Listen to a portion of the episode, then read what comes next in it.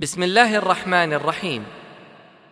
قرطبة للإنتاج الفني وتسجيلات الفجر الإسلامية بالكويت تقدمان السيرة النبوية من إنتاج المركز العالمي للإعلام بالكويت. السيرة النبوية من إعداد وتقديم الدكتور طارق السويدان وفقه الله تعالى. ويحدثنا في الأسطوانة الثالثة عشر عن حديث الإفك وقصة بيعة الرضوان وصلح الحديبية وبشارة الفتوحات لرسول الله صلى الله عليه وسلم. فمع المادة. لكن هذا الحقد الذي تولد في نفس عبد الله بن أبي بن سلول أدى إلى حادث خطير آخر.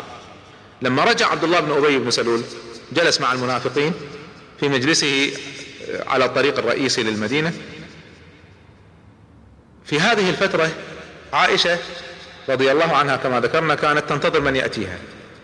النبي صلى الله عليه وسلم كان من عادته أن يترك رجل خلف الجيش خلف اي جيش على مسافة وراء الجيش. مهمة هذا الشخص أنه يتفقد إذا في شيء سقط من المسلمين إذا في شيء نسوه يحمله.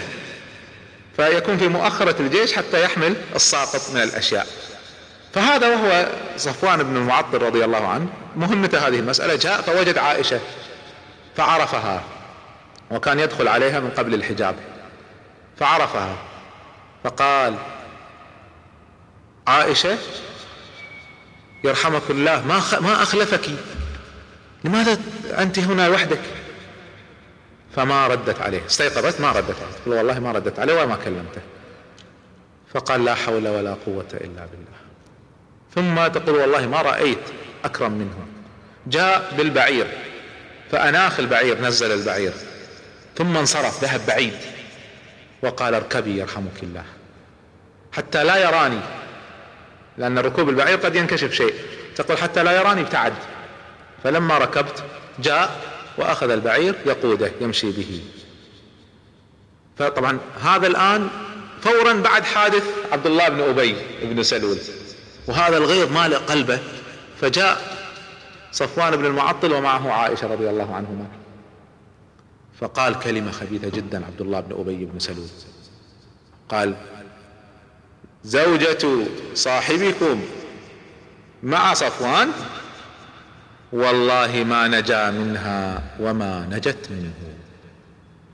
قال كلمة الإفك الخبيثة كلمة الطعن بشرف عائشة رضي الله عنها. فلما قال هذه الكلمة بدأت الكلمة تتداول. مع تداولها بدأت الناس يزيدون عليها. هو لم يصرح بالطعن بالشرف.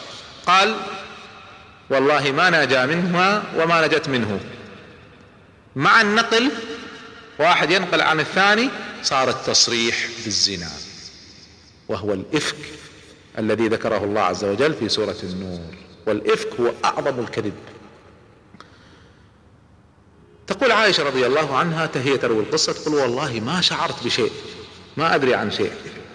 لما رجعت وذهبت إلى بيت النبي صلى الله عليه وسلم مرضت عائشة. فورا بعد عودتها من بني المصطلق مرضت مرضت شديد جدا. واستمر مرضها أكثر من عشرين يوم. وما تدري عن هذا الحديث الذي بدأ ينتشر بين الناس. تقول وما شعرت بأي تغير ولا أي شيء إلا أن النبي صلى الله عليه وسلم مع انتشار الخبر ومن شدة تضايقه من هذا الخبر كان من عادته صلى الله عليه وسلم أن يلاطف عائشة. تقول كان من عادته أن يلاطفني خاصة إذا كنت مريضة. تقول أما في هذه المرة فما كان يلاطفني سوى أنه يدخل علي وكانت عندي أمي. فيقول كيف تيكم؟ كيف حالها؟ وما ما يزيد على ذلك. فلما رأيت أن معاملته تغيرت استأذنت وقلت يا رسول الله أريد أن أطبب في بيت أمي. فأذن لي. فانتقلت عائشة من بيت النبي صلى الله عليه وسلم إلى بيت أبي بكر الصديق رضي الله عنهم أجمعين. انتشر الخبر بدأ الناس يتكلمون وانقطع الوحي. خلال هذه الفترة كلها ما نزل جبريل. وانقطع الوحي. تأديب للمسلمين. تعليم لهم أن ما يتكلمون مثل هذا الكلام ويحسنون الظن بأنفسهم. فالنبي صلى الله عليه وسلم لما زاد الخبر وانتشر وبدأ الناس يتكلمون ويتجرؤون وما هو قادر يرد لأنه ما عنده دليل وما جاءه الوحي بغير هذا الوحي انقطع ما هو عارف ماذا يفعل. فيوم من الأيام جمع الناس. وصعد المنبر وبدأ يتكلم. فمن ضمن كلامه قال ما بال رجال يؤذونني في أهلي. ووالله ما علمت عليهم إلا خيرا. ويقولون ذلك لرجل من أصحابي. ووالله ما علمت منه إلا خيرا. وما يدخل بيت من بيوتي إلا وهو معي. يعني ما في مجال أن يكون هناك علاقة لأنه ما دخل يوم من الأيام إلا وهو معي. فهنا وقف أسيد بن حضير رضي الله عنه. عبد الله بن أبي بن سلول من الخزرج. أسيد بن حضير من الأوس. فماذا قال؟ سيد الأوس. سيد الأوس أسيد بن حضير. بعد موت سعد بن عبادة صار سيد أسيد بن حضير هو سيد الأوس. فقال يا رسول الله إن يكونوا من الأوس نكفكيهم. نحن نتولى أمرهم. نحن نؤدبهم. وإن يكونوا من إخواننا الخزرج فمرنا أمرك. فوالله إنهم لأهل أن تضرب أعناقهم. هذا الذي يتحدث في شرفك يستاهل نقطع عنقه. فوقف سعد بن عبادة سيد الخزرج. قال كذبت لعمر الله. يرد على أسيد ما تضرب أعناقهم؟ والله ما قلت هذه المقالة إلا أنك عرفت أنهم من الخزرج. كل الناس عارفة أن اللي وراء المسألة عبد الله بن أبي بن سلول. ولو كان من قومك ما قلت هذا لو كان من الأوس ما قلت هذا الكلام. فوقف أسيد. يرد على سعد بن عبادة. قال كذبت لعمر الله ولكنك منافق تدافع عن منافقين. الآن الصحابة نفسهم بدأت بينهم الفتنة. هذول كبار الصحابة هؤلاء كبار الصحابة. انظر كيف وصلت الفتنة بينهم. فالنبي صلى الله عليه وسلم لما رأى الفتنة بهذه الصورة أمرهم بالانصراف ونزل. يا يستشيرهم يا ينهي المسألة فزادت المسألة وحدث الشر بين المسلمين. ثم فكر النبي صلى الله عليه وسلم ماذا يفعل؟ فاستدعى أقرب الناس إليه من أهل بيته. استدعى أسامة ابن زيد. أسامة بن زيد زيد بن حارثة يعتبر كأنه بمثابة ابن النبي صلى الله عليه وسلم لأنه تربى في بيته وكان النبي صلى الله عليه وسلم قد تبناه قبل تحريم التبني. فأسامة كأنه حفيد النبي صلى الله عليه وسلم وكان النبي صلى الله عليه وسلم يثق به ويحبه حب شديد.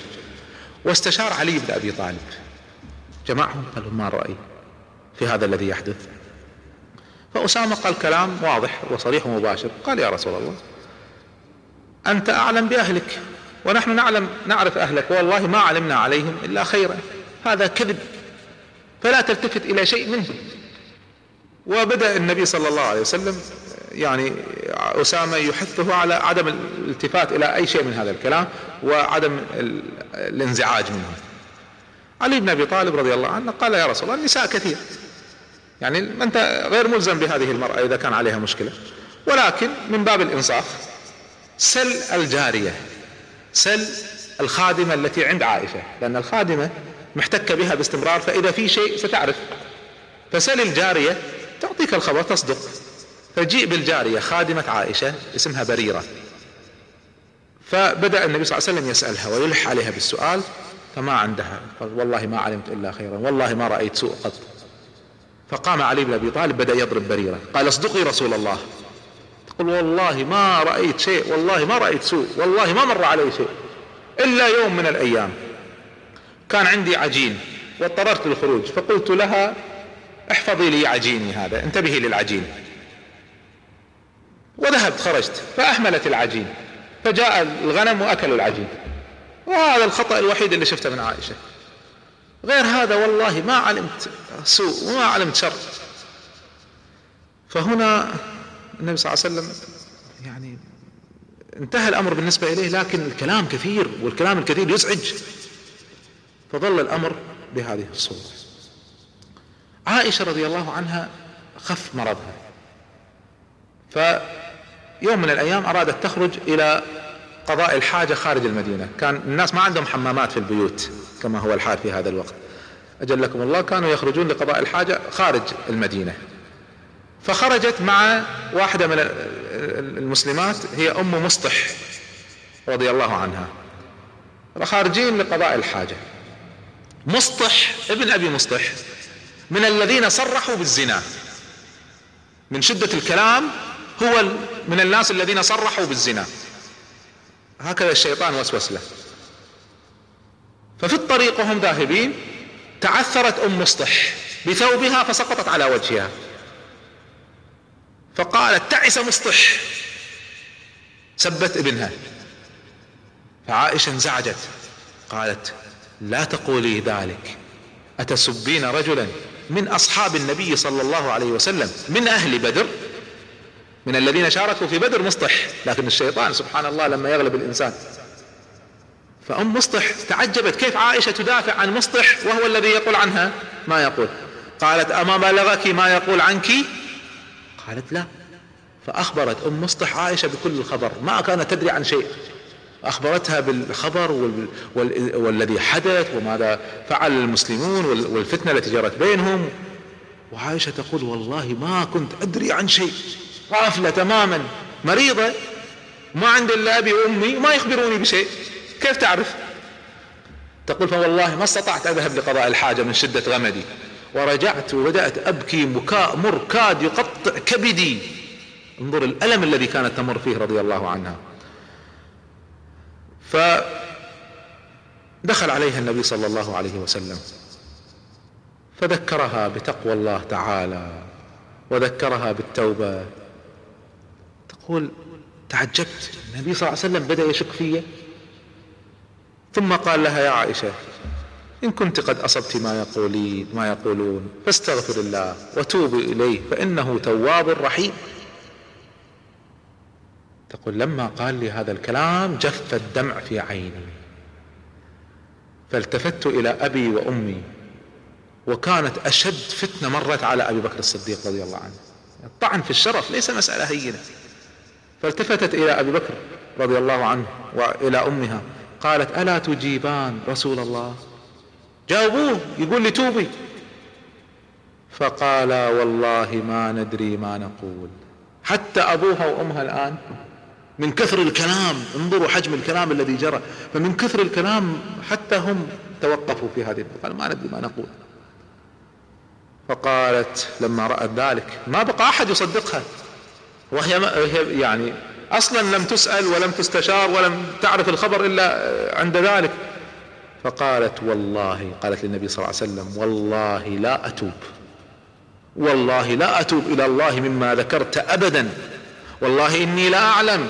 لئن أقررت بما يقول الناس والله يعلم أني منه بريئة لأقولن ما لم يكن. لو, لو قلت حدث يكون كذب والله يعلم أني بريئة. ولئن أنكرت لا تصدقوني. إذا أنتم بديتوا تشكوا في من يصدقني؟ لو قلت لم يحدث ما يصدقني أحد. لكن والله ما أقول إلا كما قال. وتحاول أن تتذكر اسم يعقوب عليه السلام فمن شدة الفتنة والألم الذي عليها ما استطاعت تتذكر اسم يعقوب عليه السلام. فقالت والله ما أقول إلا كما قال أبو يوسف ما استطاعت تتذكر اسمه. فصبر جميل والله المستعان على ما تصفون. تقول فوالله إني في نفسي لأقل من أن ينزل في قرآن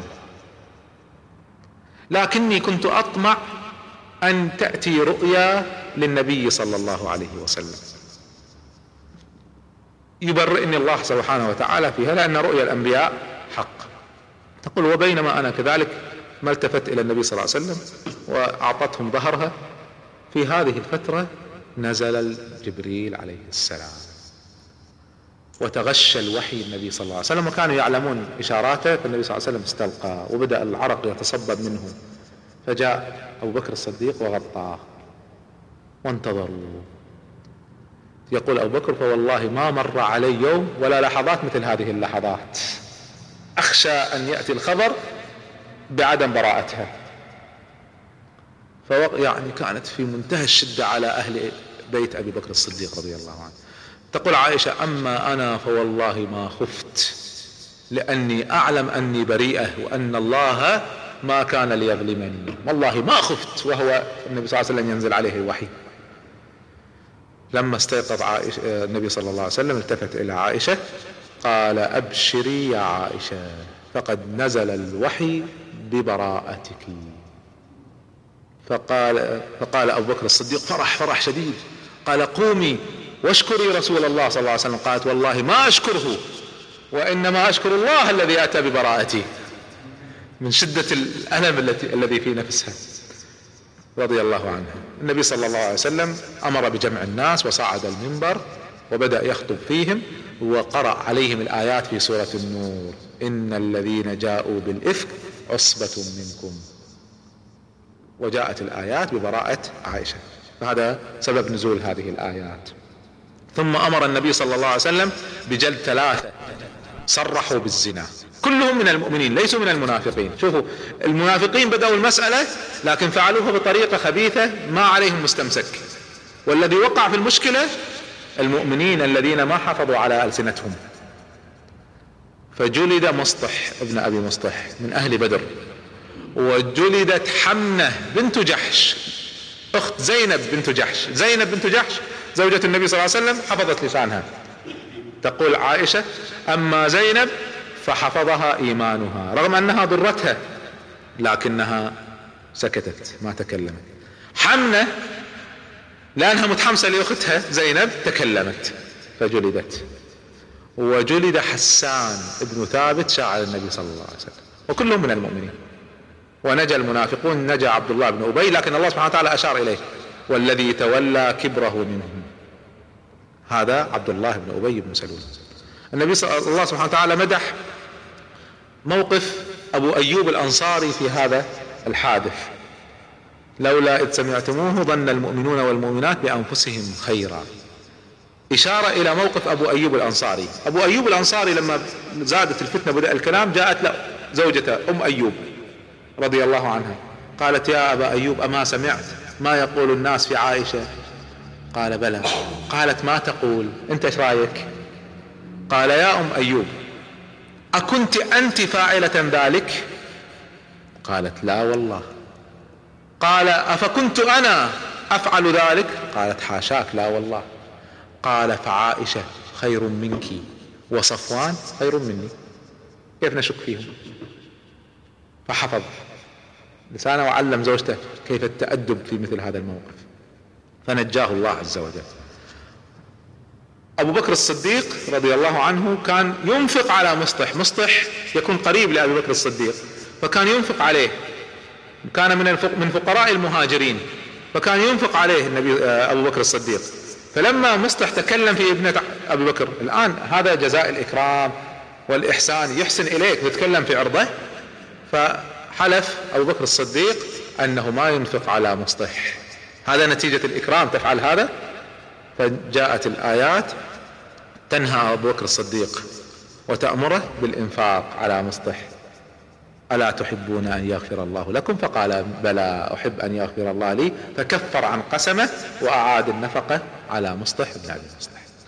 قصة طويلة وفيها تفاصيل كثيرة لكن كانت فتنة مر استمرت شهرا كاملا. على المسلمين وتوقف فيها الجهاد وتعطلت فيها أمور المسلمين بسبب جرأة بعض الناس على قيادتهم.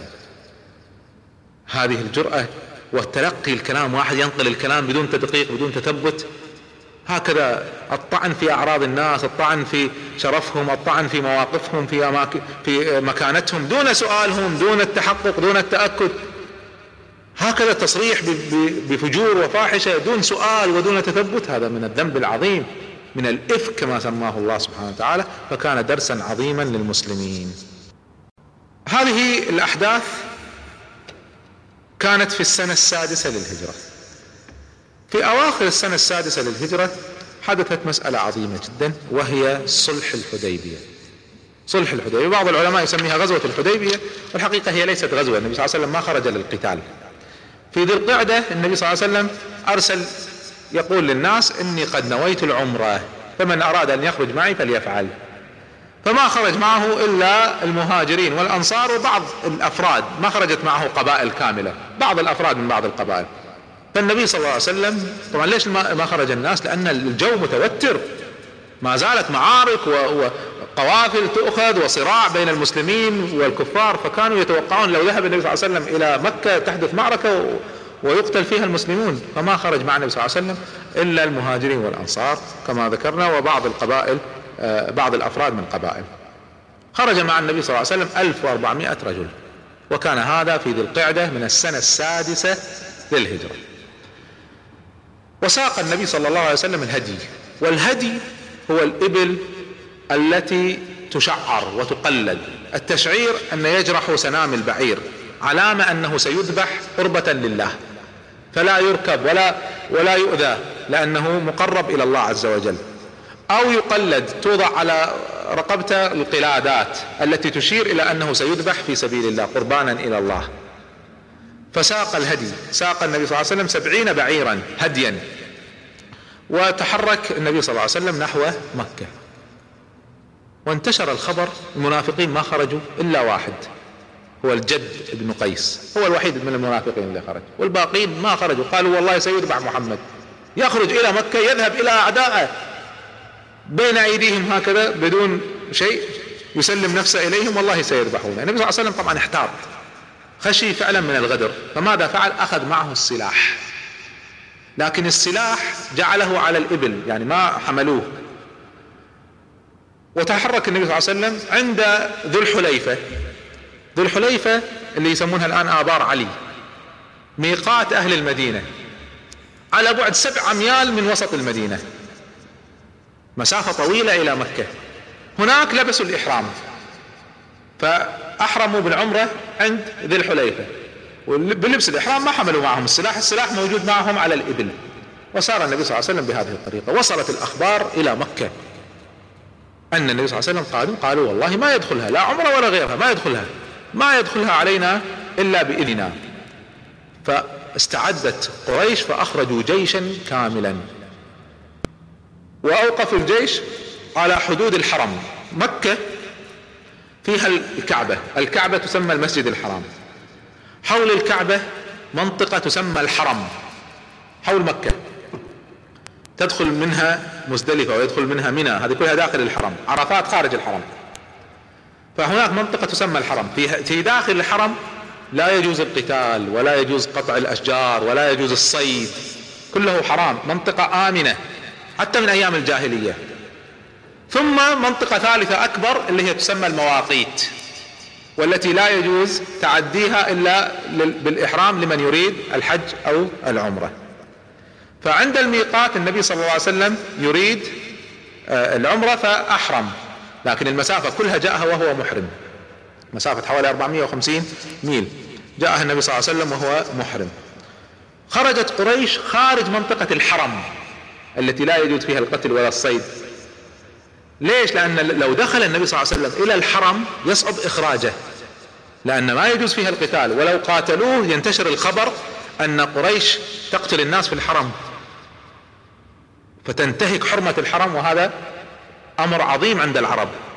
فكانت قريش حريصة جدا أن المسلمين ما يدخلوا منطقة الحرم لأن لو دخلوها لا يستطيعون أن يمنعوهم.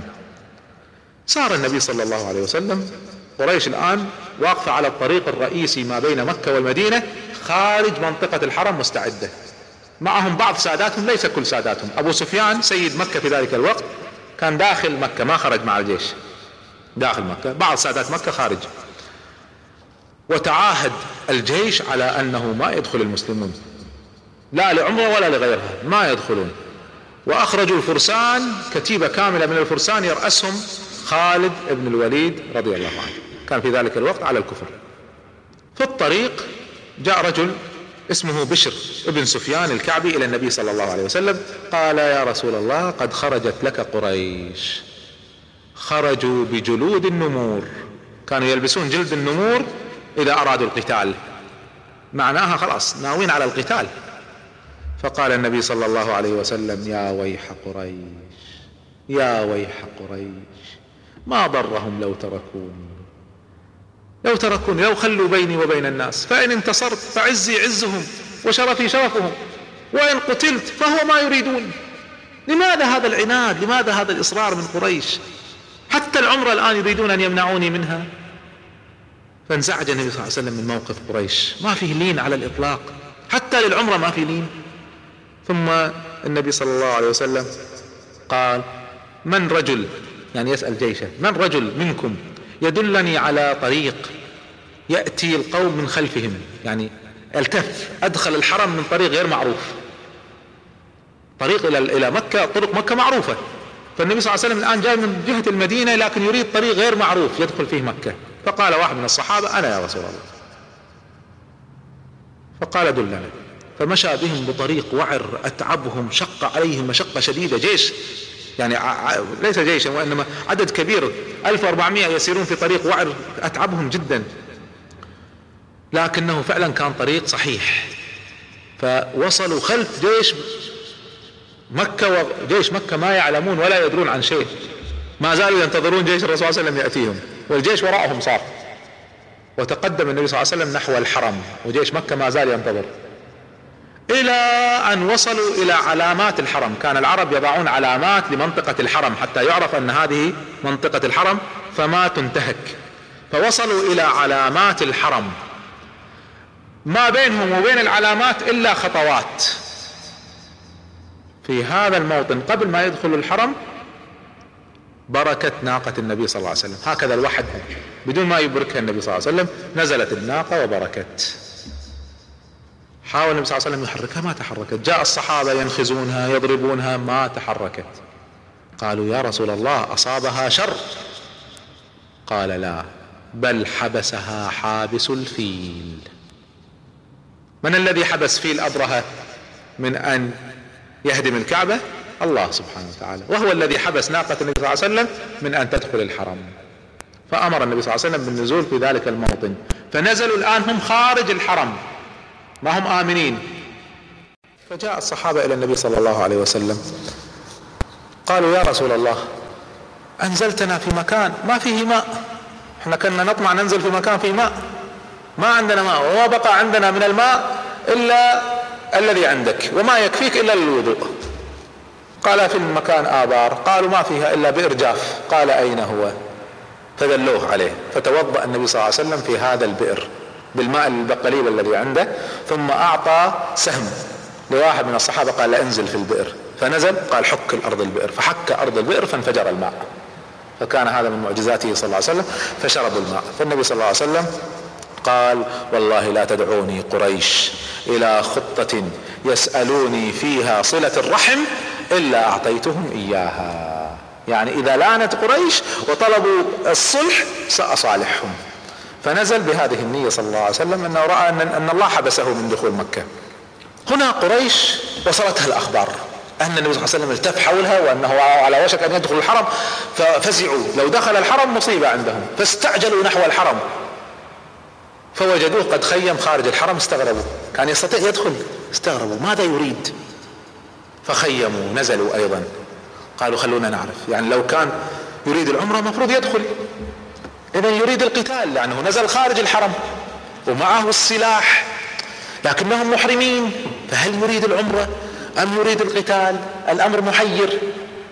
وفعلا محير لأنه نزل خارج الحرم. لو يريد العمرة المفروض ينزل داخل الحرم. فاحتاروا.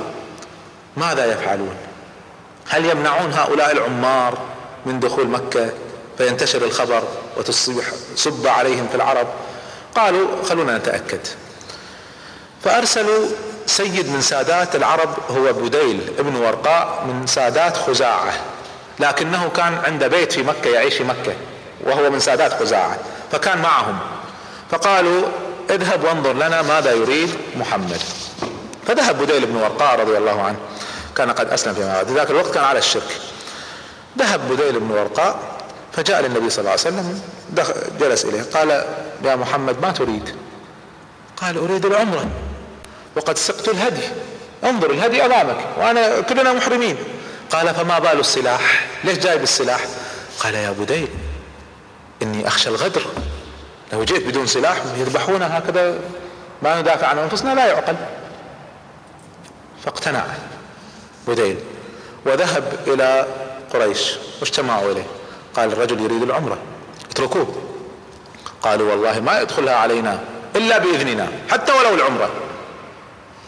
قالوا كيف عرفت إنه يريد العمرة قال كذا ما عندك إلا كلامه. يعني هذا كلامه كيف نصدق فقالوا نريد أن نتأكد. فارسلوا رجل آخر من ساداتهم هو مكرز ابن حفص. مكرز ابن حفص أول ما تا طبعا الآن معسكرين قريبين يعني المسافه بينهم بسيطة فيأتي ماشي. فالنبي صلى الله عليه وسلم رآه. قال هذا رجل غدر غادر. جاء الرجل ما سأل النبي صلى الله عليه وسلم شيئا ولا سأل المسلمين شيء بدأ يتلفت يطالع في المعسكر ثم رجع. قالوا ما وراك يا مكرز؟ قال الأمر غير واضح قد يريد العمرة وقد يريد القتال معه السلاح.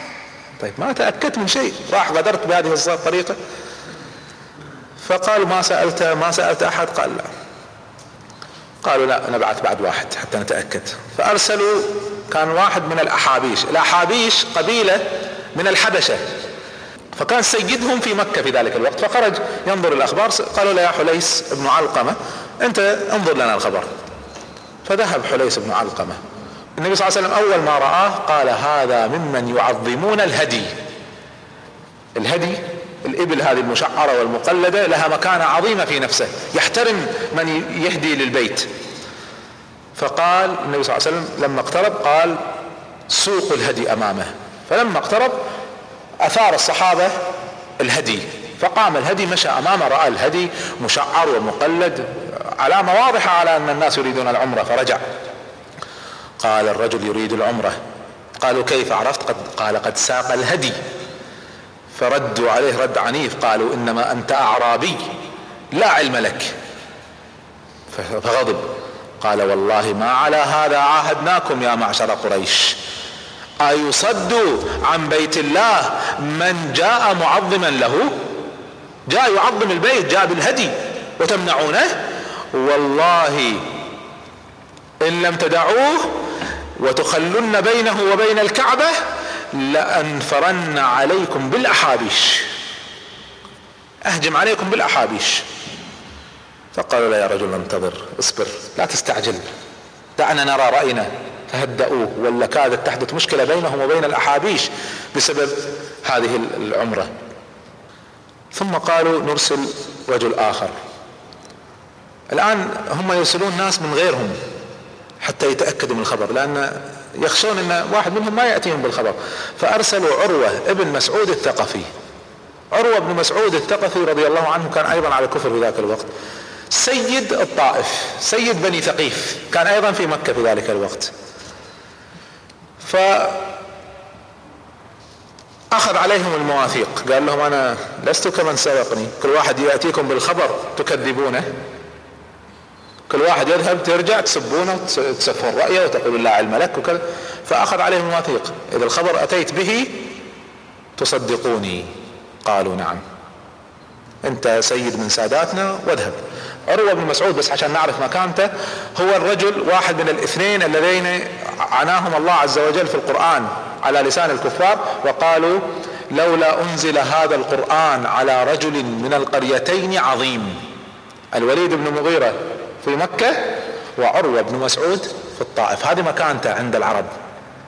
فلهذه المكانة العظيمة أعطوه العهد والميثاق أنهم لن يردوا كلامه. فذهب عروة. الآن عروة يريد أن يتأكد. كيف يتأكد؟ اللي قبله شافوا ما في كفاية في الأمر. وسألوا أيضا ما في كفاية. فحط في باله خطة. خطته أن يستفز المسلمين.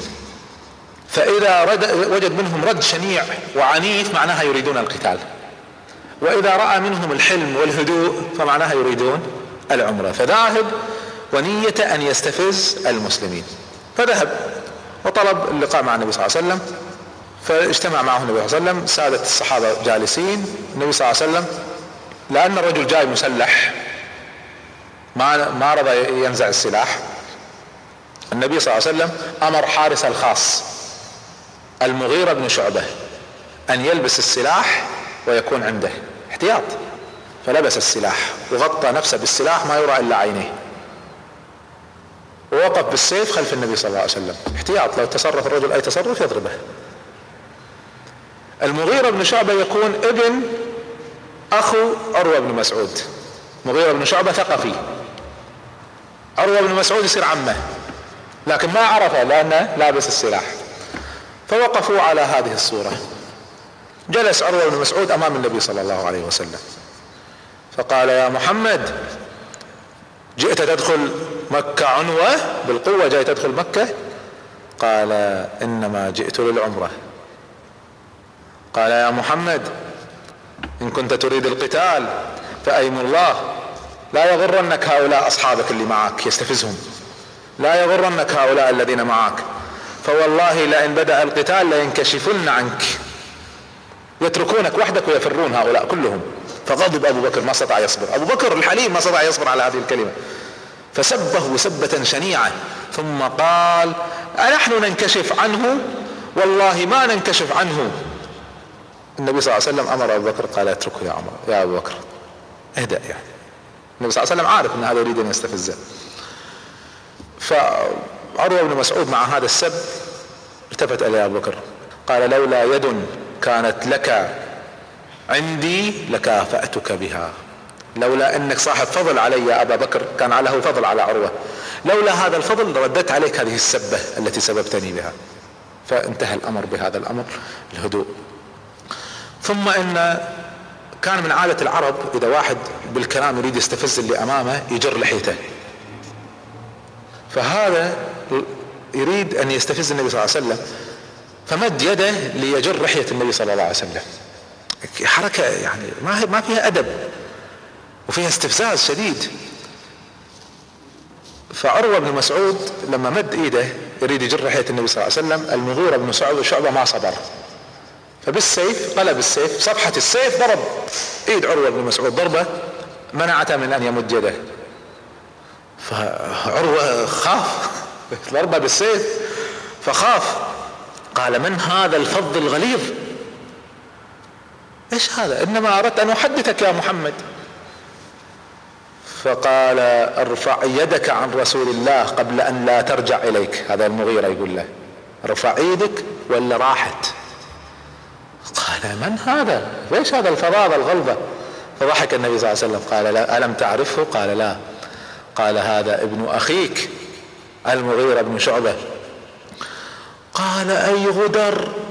يا الغادر وهل غسلت سوءتك إلا بالأمس؟ يشير إلى قصة. المغيرة ثقفي. مسلم الآن عند المسلمين. كيف صار مسلم عند المسلمين؟ له قصة. كان ذاهب مع وفد من بني مالك إلى المقوقس في مصر. بني مالك مؤدبين لطيفين. هذا المغيرة فظ غليظ فعلا. فما كان مؤدب في الحديث مع المقوقس. الآخرين مؤدبين.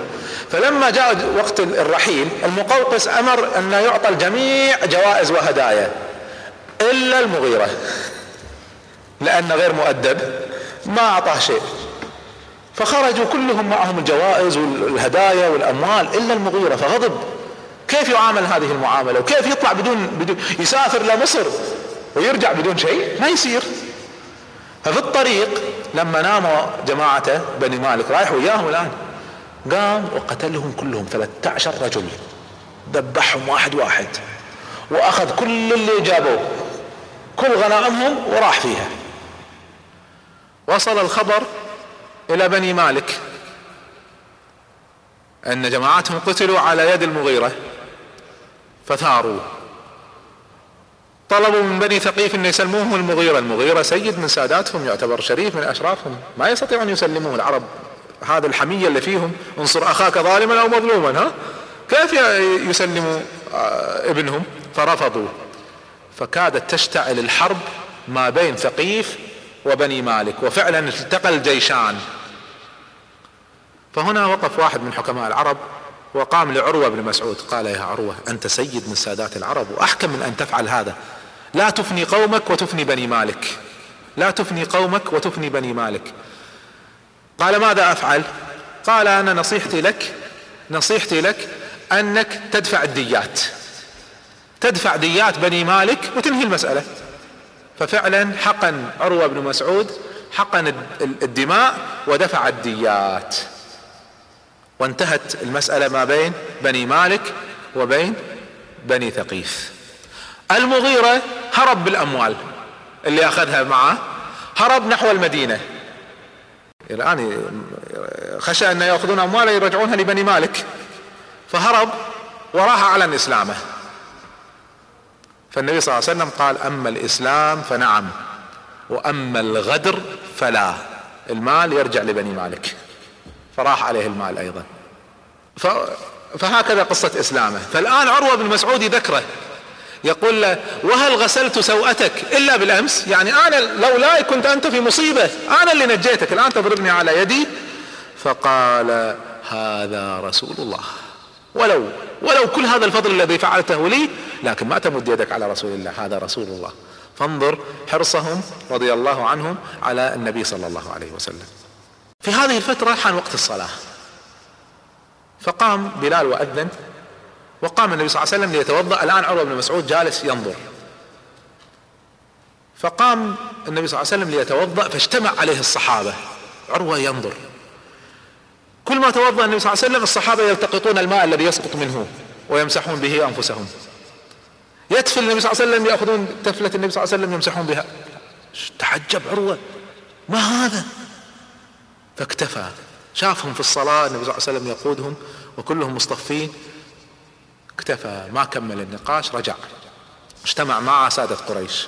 قالوا ما الرأي؟ ما وراءك؟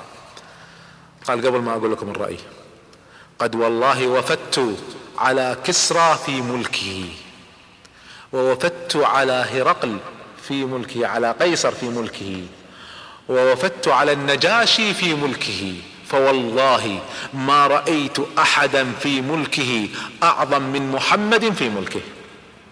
والله لئن قاتلتموهم والله ما يسلمونه لكم حتى يقتلون مثلهم. يعني ما ما ما يسلمون إلا بقتل 1400 رجل. ولئن قتلوا مثلهم فما خيرة الحياة بعد ذلك. قالوا ما الرأي قال الرأي عندي أن تصالحوه. على ألا يعتمر هذا العام. أنتم ما تريدون أن يدخل هذا العام ولا تريدون قتاله. صالحوا ولا يعتمر هذا العام. فعندئذ فكرت قريش قالوا نريد أن نتأكد أكثر. فعندئذ قالوا أحسن شيء نأسر واحد من أصحاب النبي صلى الله عليه وسلم نأخذه ونحقق معه نعذبه حتى نرى ما هي النية الحقيقية لمحمد. فبالليل أرسلوا أربعين رجل. تسلل هؤلاء الرجال. هدف أن يأخذوا واحد من المسلمين يأسرونه حتى يحققوا معه. وفعلا بدأ هؤلاء يتسللون. لعل واحد يخرج لقضاء الحاجة ولا شيء يأسرونه. النبي صلى الله عليه وسلم صاحي. وعيونه اكتشفت هؤلاء الأربعين رجل الذين قادمين. فالنبي صلى الله عليه وسلم أمر مجموعة من فرسان المسلمين بأخذ السلاح فأحاطوا بالأربعين رجل وأسروهم كلهم. هم جايين ياخذون واحد الآن كلهم وقعوا اسرى فجيء بهم للنبي صلى الله عليه وسلم وصل الخبر لقريش أن جماعتهم أسرى. فاستعدوا للقتال فالنبي صلى الله عليه وسلم أمر بإطلاق الأربعين رجل. وقال إنما جئنا للعمرة خلوا بيننا وبين العمرة. فالآن زاد الأمر عند قريش قناعة إنه ما يريد القتال. لو يريد القتال لقتل الأربعين رجل كانوا بايده فعندئذ النبي صلى الله عليه وسلم لما رأى أيضا المسألة بهذه الصورة تضايق. يعني كل هذه المحاورات كل هذه المحاولات ما في نتيجة. قال هؤلاء لا لا نفع معهم. هذا الجيش كلهم عنيدين. خلوني أتفاوض مع سيد مكة مع أبي سفيان. فنادى عمر. قال يا عمر اذهب إلى مكة. وفاوض أبو سفيان يسمح لنا بدخول مكة للعمرة. فقال عمر يا رسول الله قد علمت انه ما من أصحابك أحد أشد على قريش مني. وما بقي أحد من قومي يحميني. ما في أحد يدافع عني. فإذا تريد أن ترسل أحد إلى مكة ارسل رجل له منعة ومكانة في مكة. قال من؟ قال ارسل عثمان. عثمان من بني أمية وأبو سفيان من بني أمية. فيحميه يعني له مكانة. ليس كمثلي فالنبي صلى الله عليه وسلم اقتنع بذلك. فأرسل عثمان. لما وصل عثمان أكرمه أبو سفيان قال له إن تريد أن تطوف بالكعبة فطف قال لا والله ما أطوف قبل النبي صلى الله عليه وسلم. هنا بدأ عثمان يفاوض أبو سفيان أبو سفيان أمر قال تبقى عندنا ما تخرج حتى نرى رأينا. فمنع حبسوا عثمان من الخروج والعودة إلى النبي صلى الله عليه وسلم. الخبر وصل إلى النبي صلى الله عليه وسلم لما تأخر عثمان. الخبر وصل مشوه أن عثمان قد قتل. فالنبي صلى الله عليه وسلم لما رأى أن المسألة حتى رسوله يقتل رأى أن المسألة الآن كأنها وصلت إلى مرحلة القتال. فأمر أصحابه بالبيعة. إذا بدأ القتال ما تفرون. وبدأت البيعة بدأ الصحابة يبايعون. النبي صلى الله عليه وسلم جالس تحت الشجرة وبدأت البيعة للنبي صلى الله عليه وسلم تحت الشجرة. واحد واحد يبايعون. أول من بايع كما في الروايات هو أبو سنان الأسدي رضي الله عنه. وتتالى الصحابة بالبيعة. سلم بن الأكوع الذي ذكرنا قصته رضي الله عنه خير الفرسان بايع. ثم جلس يرتاح. فالنبي صلى الله عليه وسلم بعد فترة 1400 رجل فترة تأخذ بيعتهم. فراه جالس. قال يا سلمة قم بايع. قال قد بايعت يا رسول الله. قال بايع مرة أخرى. تأكيد لأن هذا مكانته في القتال ليس مثله أحد. ما في أحد يقاتل مثله على رجله. فالنبي صلى الله عليه وسلم أحب أن يؤكد عليه وفي هذا جواز تأكيد البيعة وتكرار البيعة مرة أخرى. بايع كل الصحابة الذين شاركوا في في الحديبية 1400 رجل إلا واحد هو الجد ابن قيس. كان يتسلل خلف الجمال خلف الإبل حتى ما يبايع. يقول واحد من الصحابة رأيته يلوذ بالجمال حتى لا يبايع.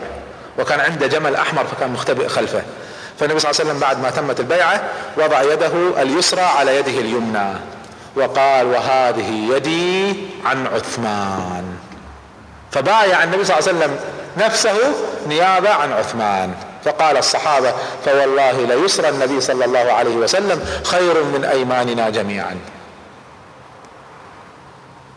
النبي صلى الله عليه وسلم عندئذ بشرهم بالبشرى العظيمة. فقال والله لا يدخل النار من بايع تحت الشجرة كلكم في الجنة. فقال لهم يدخل الجنة كل من بايع تحت الشجرة إلا صاحب الجمل الأحمر. النبي صلى الله عليه وسلم عرفه. قال هذا ما يدخل الجنة. الباقين كلهم يدخلوا الجنة. فالنبي صلى الله عليه وسلم عقد لهم البيعة وهي التي نزلت فيها الآيات إن الذين يبايعونك إنما يبايعون الله. لقد رضي الله عن المؤمنين يبايعونك تحت الشجرة. فهذه مكانة الشجرة والبيعة عند شجرة البيعة التي تسمى بيعة الرضوان. قيل هي بيعة على الموت وقيل هي بيعة على ألا يفروا. ما يهربوا. إذا بدأ القتال ما يهربوا. فكانت هذه بيعتهم رضي الله عنهم عند الشجرة. الشجرة ظلت قائمة إلى زمن عمر بن الخطاب. ثم إن عمر رضي الله عنه أمر بقطعها. قال حتى لا يشرك الناس فيها. خشية الشرك أمر بقطعها فكانت نهايتها في زمن عمر رضي الله عنه. لما وصلت الأخبار لقريش أن صارت البيعة وعلى الموت خافوا. فقالوا نريد الصلح. نريد الصلح. فعندئذ أرسلوا سهيل بن عمرو. سهيل بن عمرو. لما رآه النبي صلى الله عليه وسلم قادم عرفه. قال سهيل سهل الله لكم. قد أرادت قريش الصلح. ليش؟ سهيل رجل مفاوضات مثل وزير خارجية. الباقين هذول وزراء دفاع يريدون معارك. هذا لا يرسل إلا للمفاوضات. فلما رأى النبي صلى الله عليه وسلم عرف أنه يريد أن قريش تريد الصلح فقال سهل الله لكم. جلس سهيل فبدأ الحوار المهم تم الاتفاق بين سهيل بن عمرو والنبي صلى الله عليه وسلم على الصلح. تم الاتفاق على الصلح. ثم بدأوا بعد ما اتفقوا على الشروط والتفاصيل وكل حاجة بدأوا بكتابة الصلح. فقال النبي صلى الله عليه وسلم نادى علي بن أبي طالب هو الذي كتب الصلح. وشهد على الصلح جماعة من الكفار وجماعة من المسلمين. فمن الكفار الذين شهدوا طبعا سهيل بن عمرو وحويط بن عبد العزى وغيرهم. من الذين شهدوا من المسلمين أبو بكر وعمر وعلي بن أبي طالب كان هو الذي يكتب ومحمد بن مسلمة وغيرهم. فالنبي صلى الله عليه وسلم قال اكتب بسم الله الرحمن الرحيم فكتب. علي بن أبي طالب بسم الله الرحمن الرحيم فاعترض.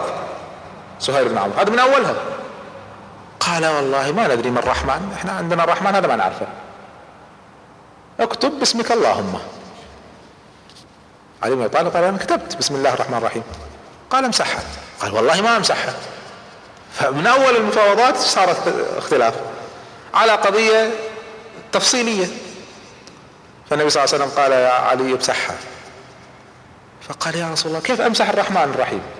قال أين هي؟ ما يعرف يقرأ قال هذه. فمسحها النبي صلى الله عليه وسلم بنفسه. قال اكتب.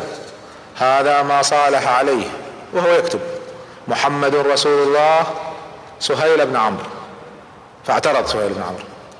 قال والله لو كنت أعلم أنك رسول الله ما قاتلتك.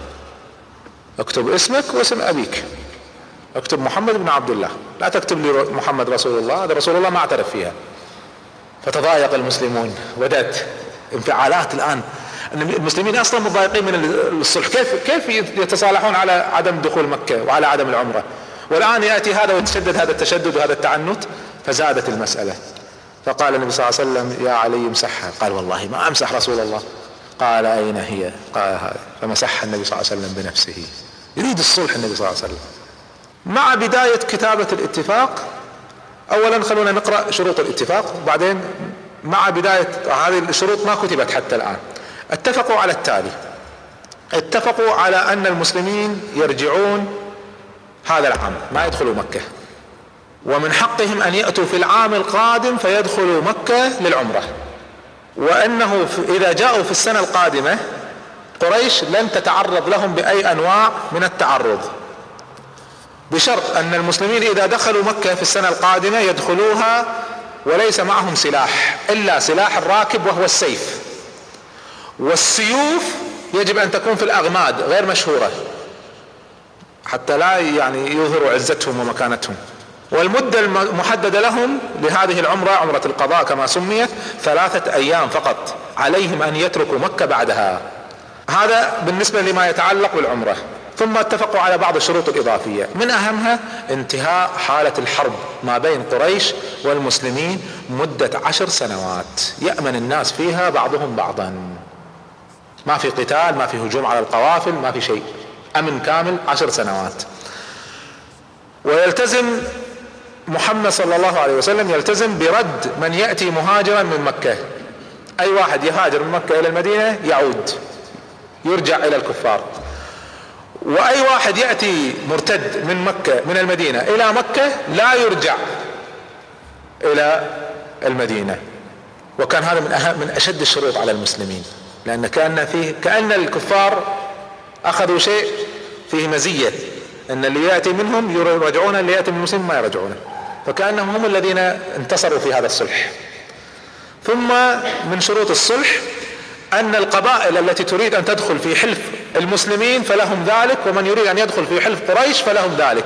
فكان ممن شهد الصلح سادات خزاعة وسادات بني بكر. فقال خزاعة قالت خزاعة نحن في حلف محمد. وقال بنو بكر نحن في حلف قريش. وهذا الحلف هو الذي سبب فتح مكة فيما بعد لأن بنو بكر اعتدوا على خزاعة. فهذا دخولهم فيه كان في تلك اللحظة.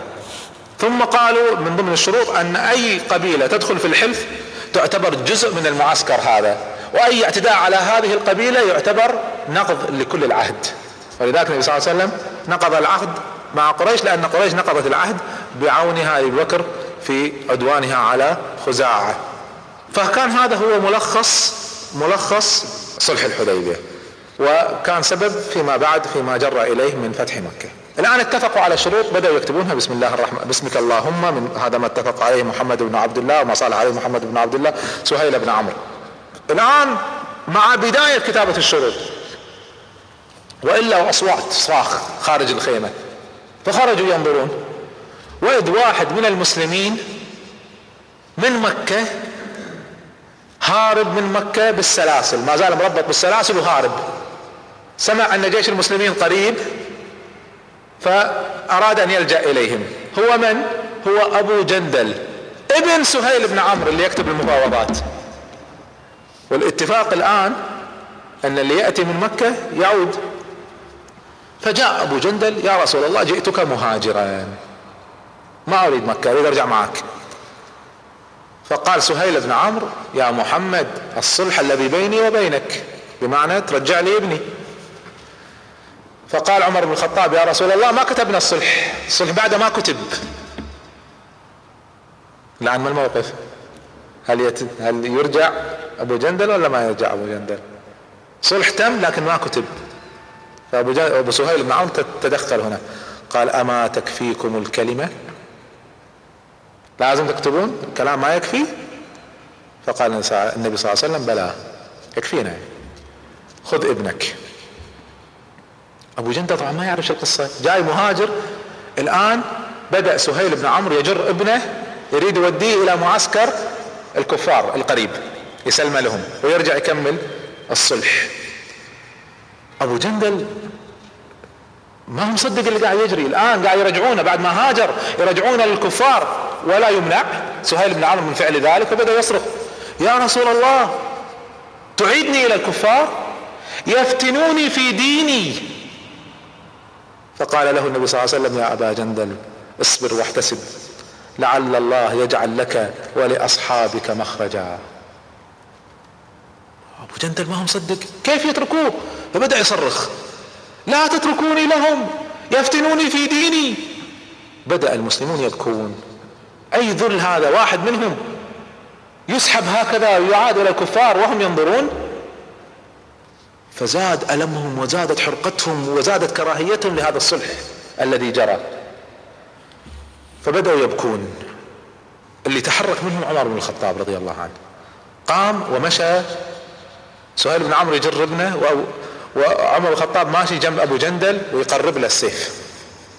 يقرب السيف منه ويقول يا أبا جندل إنما المشركون نجس وإنما دم أحدهم دم كلب. يعني دم المشرك مثل دم الكلب ليس له قيمة. يقول هو يفسر هذا يقول أريد أن يأخذ السيف ويقتل أباه. طبعا هنا ليش ما هو عمر يقتل سهيل بن عمرو؟ لأن في صلح. طيب ليش يجرع أبو جندل؟ أبو جندل ليس جزء من هذا الصلح. أبو جندل خارج عن هذا الصلح. لأنه ما خضع لقيادة المسلمين ولذلك يقول الفقهاء يسع الفرد الذي ليس في جماعة المسلمين ما لا يسع الجماعة. العضو في الجماعة ما يستطيع يتصرف إلا بالتزام بمواقفها بينما الفرد هو في حل ليس ملتزم يسمونه الفرد السائب في الفقه.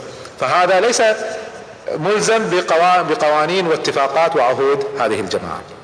فجر أبو جندل يقول عمر بن الخطاب فظن الرجل بأبيه ما أحب أن يقتل أباه. ولا كان يستطيع ياخذ السيف ويقتل سهيل ولا يكون هناك عقوبة على المسلمين لأن أبو جندل ليس جزء من الصلح. فجر أبو جندل وزاد الأمر على المسلمين. ثم عاد سهيل بن عمرو وكتب الصلح وتم الأمر وبدأ قريش الآن تنتظر رحيل المسلمين. فالنبي صلى الله عليه وسلم قام فقال في المسلمين قال لهم يعني تحللوا وارجعوا. فقام عمر قال يا رسول الله ألست أخبرتنا أن نأتي البيت ونطوف به؟ النبي صلى الله عليه وسلم كان قد رأى رؤيا في المنام أن المسلمين يذهبون إلى البيت ويطوفون به ويحلقون ويقصرون. وأخبر المسلمين بهذه الرؤيا في الطريق إلى مكة. فعمر يذكر النبي صلى الله عليه وسلم بهذه الرؤيا ألست أخبرتنا بأننا نأتي البيت ونطوف به؟ فقال النبي صلى الله عليه وسلم بلى يا عمر. أفأخبرتك أنا ناتيه هذا العام؟ أنا قلت لك أن هذا سيحدث هذه السنة؟ فقال لا. طبعا تضايق المسلمون أكثر. عمر بن الخطاب يريد يعمل شيء فذهب إلى النبي صلى الله عليه وسلم. قال كيف ترضى بهذا الصلح؟ ألسنا المسلمين؟ قال نعم. قال اليسوا بالكافرين؟ قال نعم. قال فكيف نعطي الدنية من ديننا؟ كيف يكون الصلح لصالحهم؟ قال إن معي ربي ولن يضيعني. عمر كأنه يريد جواب يطمئن أكثر. فذهب إلى أبي بكر الصديق قال يا أبا بكر ألسنا بالمسلمين قال نعم. قال أليسوا بالكافرين؟ قال بلى. قال فكيف نعطي الدنية من ديننا؟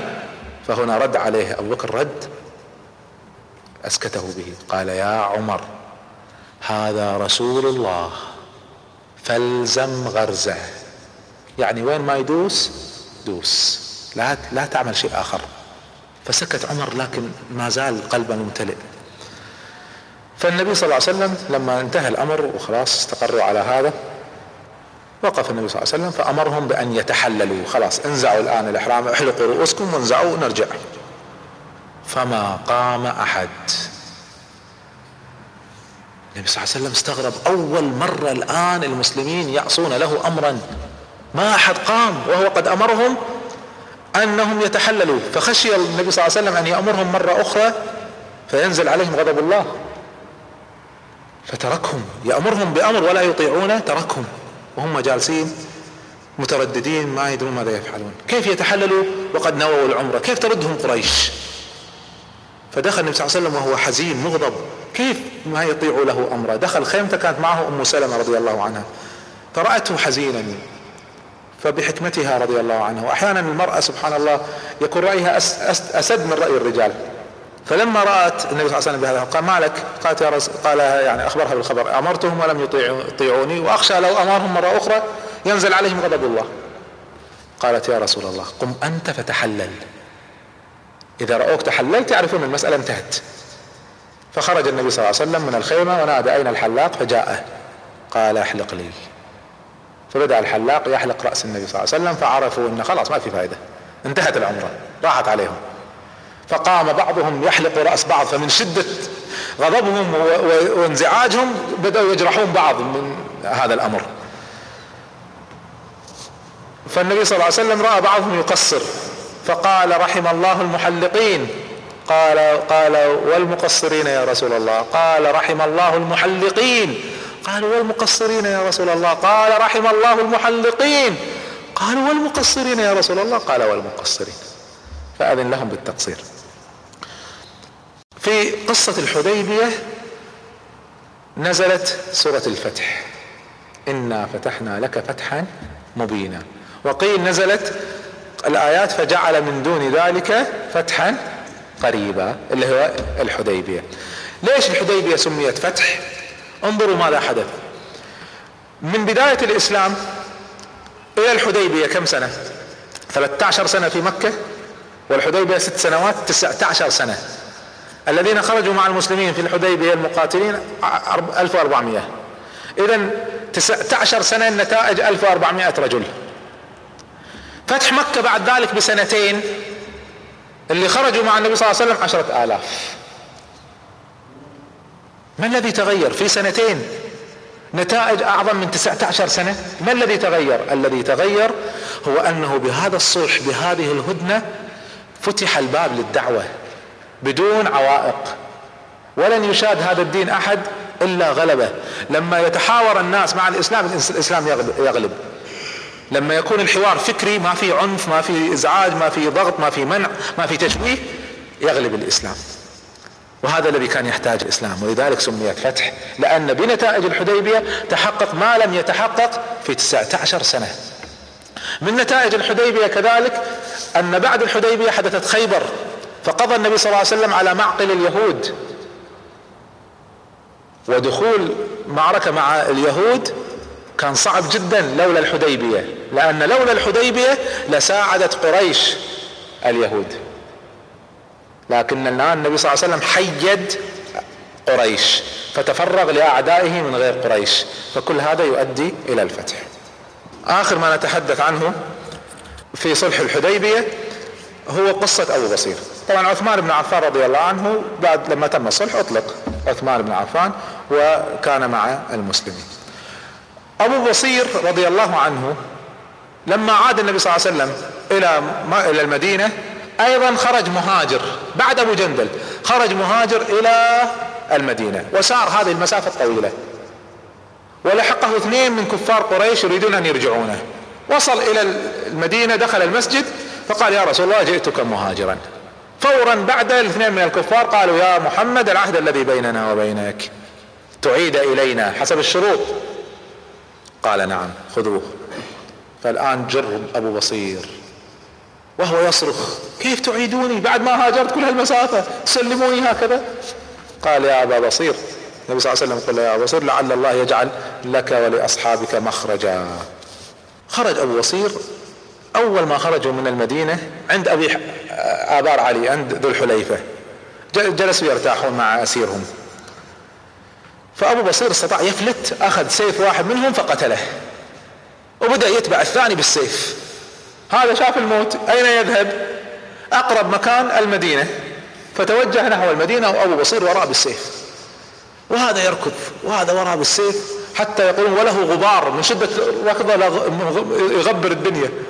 فتوجه أين؟ إلى المسجد وأبو بصير وراه. دخل المشرك المسجد النبي صلى الله عليه وسلم رآه والغبار عليه. فقال لقد رأى هذا الموت. أو والله لقد هذا لقد رأى هذا ذعرا. رأى الفزع. فقال الرجل قتل والله صاحبي وإني لمقتول خلاص راح يقتلني. فدخل أبو بصير.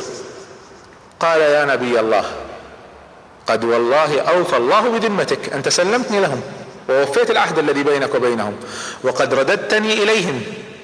أنت سويت اللي عليك. الآن ليس لك دخل في. فأنجاني الله منهم. فاتركني يعني لا لا لا تتدخل في المسألة. أنا ماني خاضع لك الآن. أنت سويت اللي عليك. فالنبي صلى الله عليه وسلم قال نعم أنا أديت اللي علي. أنتم اللي ضيعتوه. فالمشرك قال يا محمد سلمه لي حسب العهد. قال قد فعلت أنا سلمت لك. أنت اللي ضيعته. أنا أديت اللي علي.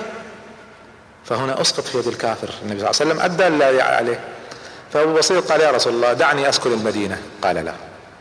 لو سكنت المدينة يكون نقض للعهد. قال اذا دعني أذهب حيث أشاء. قال أنا مالي شغل فيك؟ أنت وذاك اذهب. أنت حر. أنت لست تحت أمري. ما هو خاضع لقيادة المسلمين؟ فخرج أبو بصير ومعه السيف. فقال النبي صلى الله عليه وسلم كلمة سمعها أبو بصير وانتشرت. قال ويل أمه مسعر حرب لو كان معه رجال. لو هذا معه رجال يشعل الحرب. إشارة يعني يا أبا بصير استمر في إزعاج هؤلاء الكفار. أبو بصير لما وصلت الخبر توجه ما رجع إلى مكة توجه إلى العيص المنطقة الجبلية اللي فيها الكهوف والأشجار اللي تكلمنا عنها قبل قليل فلجأ إليها وانتشر الخبر وصل إلى المسلمين اللي في مكة اللي ما هم قادرين يهاجرون. فأول من ترك مكة أبو جندل ما ذهب إلى المدينة لأنه يعلم سيعيدونه إلى الكفار فذهب إلى العيس. وشكل الاثنين عصابة بدأوا يهاجمون قوافل قريش بدأ المسلمين الآخرين اللي في مكة يذهبون إلى العيس حتى تجمع في العيس سبعين رجل من المهاجرين هؤلاء. بدأوا يهاجمون قوافل قريش. أرسلت قريش إلى النبي صلى الله عليه وسلم. قالوا يا محمد أين العهد الذي بيننا وبينك؟ قال أنا على العهد. قالوا فما بال أبو بصير وأصحابه؟ قال هذا أنا سلمت لكم ما لي شغل فيهم. قال إذا لو قاتلناهم ما تتدخل. قال أنا ما أتدخل أنا بيني وبينكم هدنة ما أتدخل. فأرسلت قريش جيشا إلى العيس ليقاتلوا أبو بصير وأصحابه. فرفض أبو بصير الخروج لهم. يريد يشتغل بطريقة حرب العصابات. ما يهاجمهم جيش بجيش. جاء الجيش انتظر ما احد يخرج له. رجعوا كل ما مرت قافلة هجموا عليها. فانقطعت القوافل عن قريش. الآن المسلمين الجدد اللي أسلموا خارج مكة وخارج المدينة وخارج العيس بدأوا يفكرون قالوا إحنا ليش نذهب إلى المدينة؟ فنحكم بالاتفاقية اللي مع قريش. ليش ما نذهب ونساعد؟ أبو بصير. فبدأ المسلمين الجدد ما يذهبون ما يهاجرون إلى المدينة بدأوا يهاجرون إلى العيص حتى تجمع في العيص 300 رجل. صار جيش في العيص حاولت قريش بكل طريقة تقطع هذا الخطر ما استطاعت. من قوة أبو بصير والذين معه من جرأتهم وقدراتهم القتالية وحرب العصابات اللي اتخذوها ما مرت لقريش قافلة. الآن هم كل الصلح عشان تمر قوافلهم. الآن النبي صلى الله عليه وسلم كسب الصلح وفي نفس الوقت قوافلهم ما تمر. ثم أبو بصير وجماعته زادوا الأمر. فقطعوا ليس قوافل التجارة حتى قوافل الطعام. مكة ما فيها طعام. فانقطع الطعام عن مكة وبدأت المجاعة في مكة. حاولت قريش بكل طريقة أن تقضي على هذا الخطر ما استطاعت. فأرسلوا أبو سفيان على رأس وفد إلى المدينة. قالوا يا محمد نناشدك الله والرحم. هذا الشرط اللي بيننا وبينك اللي في صلح الحديبية أن الذي يخرج من من مكة يرجع ما نريده. خذهم خلهم عندك تحت الصلح خلوا قوافلنا تمر.